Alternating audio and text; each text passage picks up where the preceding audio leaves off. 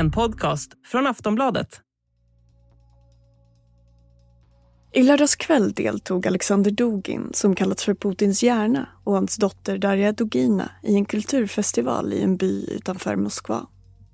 De skulle åka hem tillsammans men av okänd anledning bytte pappan bil och körde dottern hem själv i hans Toyota Land Cruiser.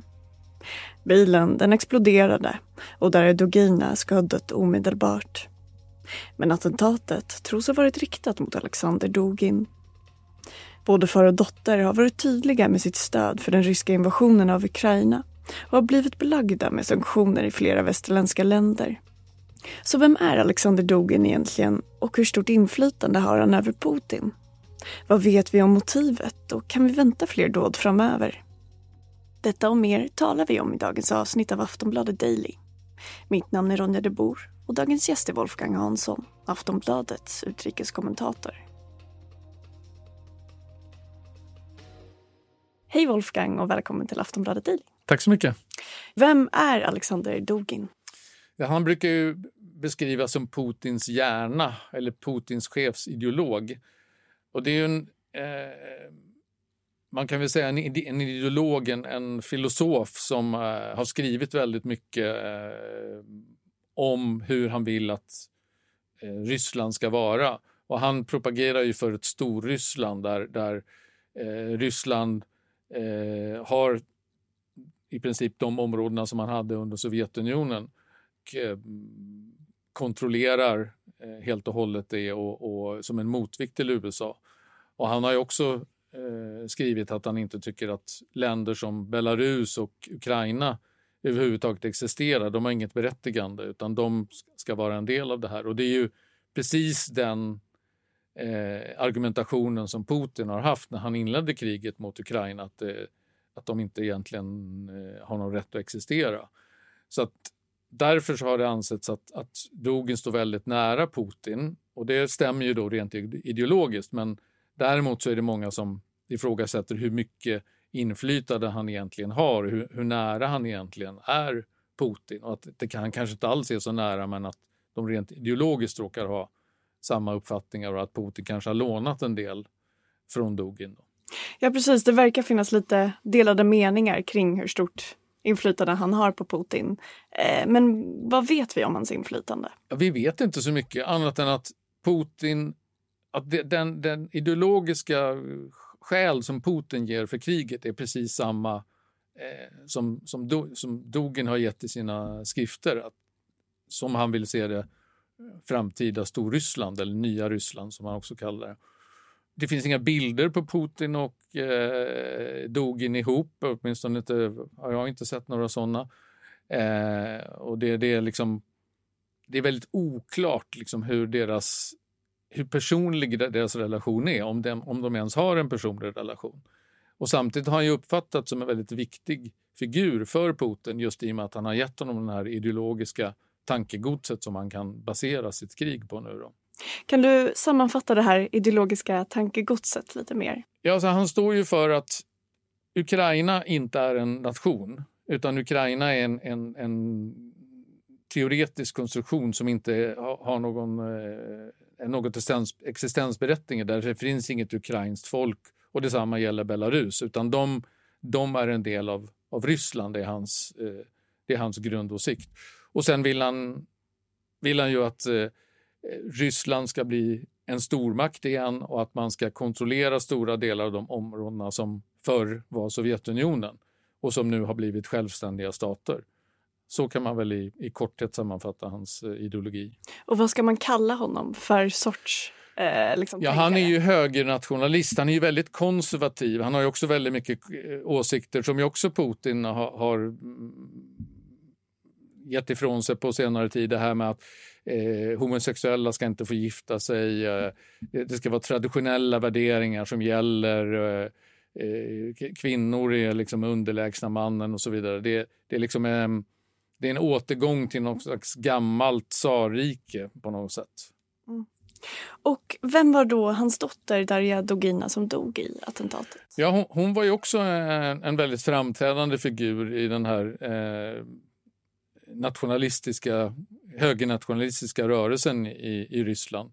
hon var journalist, hon var tv-kommentator eh, och hennes, hennes pappa hamnade ju på USAs sanktionslista redan 2015 och hon gjorde det nu eh, två, i, i mars i, i år eh, för att hon var chefredaktör för någon engelskspråkig publikation som en av oligarkerna eh, stod bakom och hon ansågs liksom prop, ligga bakom mycket av regimens eh, propaganda ut mot västvärlden. Liksom. Och, så att hon, hon var en inte obetydlig figur.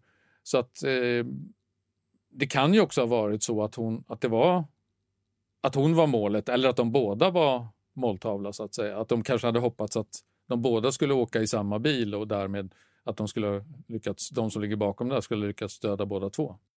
Aftonbladet Daily är strax tillbaka. Normally, being a little extra might be a bit much, but not when it comes to healthcare. That's why United Healthcare's Health Protector Guard fixed indemnity insurance plans, underwritten by Golden Rule Insurance Company, supplement your primary plan so you manage out of pocket costs. Learn more at uh1.com.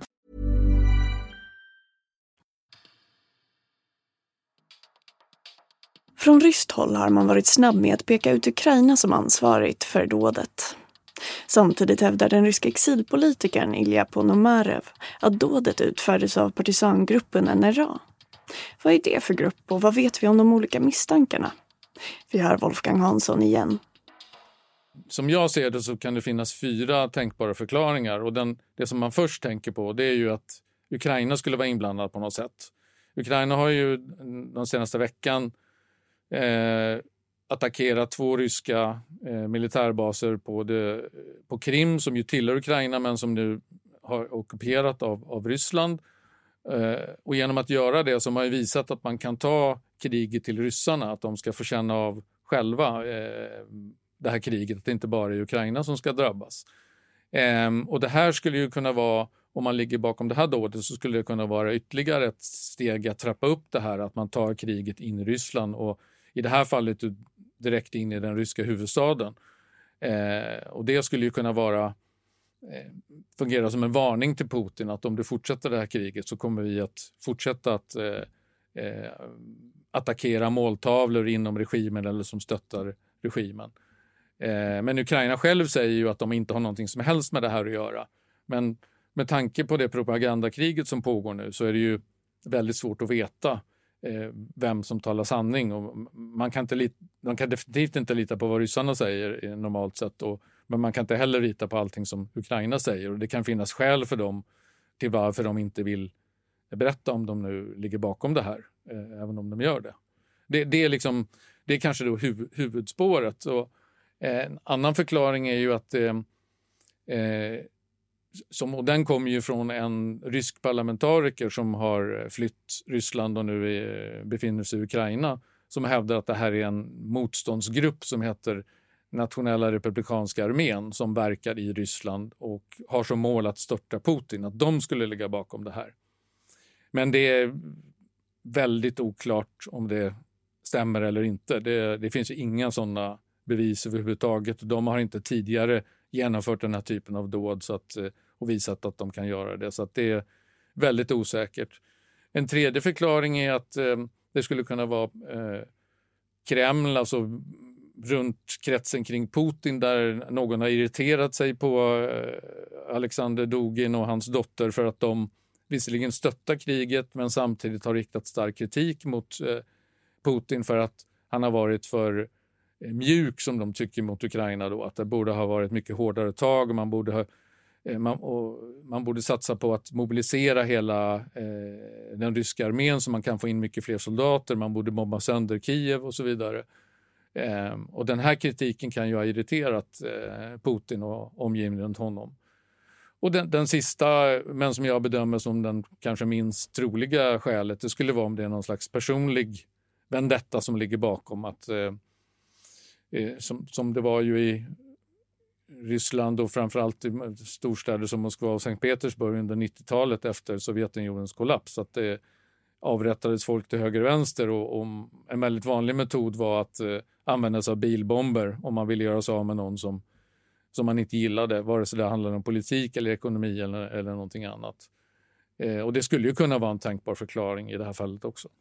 Och den här motståndsgruppen NRA, vad är det för grupp? Ja, alltså det finns nästan...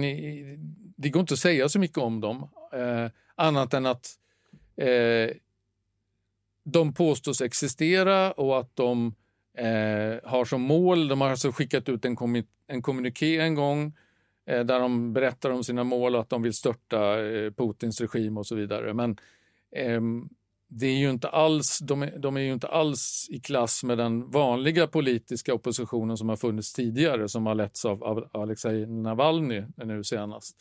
Eh, som ju har varit väldigt publik och eh, öppen liksom med sin kritik. Det här är ju någon slags underjordisk grupp eh, som det är högst oklart vad de egentligen har, har gjort tidigare. Så jag skulle säga att det är väldigt mycket väldigt spekulativt att eh, skylla det på en sån grupp. Men det är, det är naturligtvis inte omöjligt för att eh, nu med kriget och i och med att Putin har dragit åt tumskruvarna på oppositionen i, i Ryssland så är det inte omöjligt att det växer upp militanta grupper som ändå vill göra någon form av motstånd. För det är, att, att göra civilt motstånd nu i, i Ryssland är nästan omöjligt för då åker du in i fängelse. Vad har det här dådet väckt för reaktioner i Ryssland? Ja, den ryska under, underrättelsetjänsten FSB de anklagar Ukraina och deras säkerhetstjänst för att ligga bakom eh, det här bombdådet. Och de hävdar då att det är en, en namngiven kvinna eh, som skulle ha tagit in på, eh, som har hyrt en lägenhet i samma hus där Dogina bodde. Och då betyder ju då, då att, det, att attentatet skulle kanske då ha varit riktat mot henne trots allt. Eh, och att hon då eh, har skuggat henne och sen placerat ut bomben och direkt efter det har hon flytt till Estland. Eh, men bara för att eh, FSB säger att det var så det gick till och att det eh, var Ukraina som låg bakom så behöver det inte vara så. Eh, men jag menar, det är ju självklart så är det en, en, en, en misstanke som finns att Ukraina kan vara inblandat. Och Kreml, har de reagerat? Nej, det har varit ganska tyst ifrån eh, Kreml och, och Putins stab när det gäller det här eh, dådet, än så länge i alla fall. Kan det tyda på någonting? Ja, det kanske tyder på att man är osäker på hur man ska agera. Att man kanske vill, vill eh, vänta lite innan man ger några officiella reaktioner. Eh, och det i sin tur kan ju vara en indikation på att just att det var Ukraina som, som låg bakom att man vill fundera på hur man ska svara innan man gör det så där snabbt och direkt. Vad kan då dådet få för konsekvenser?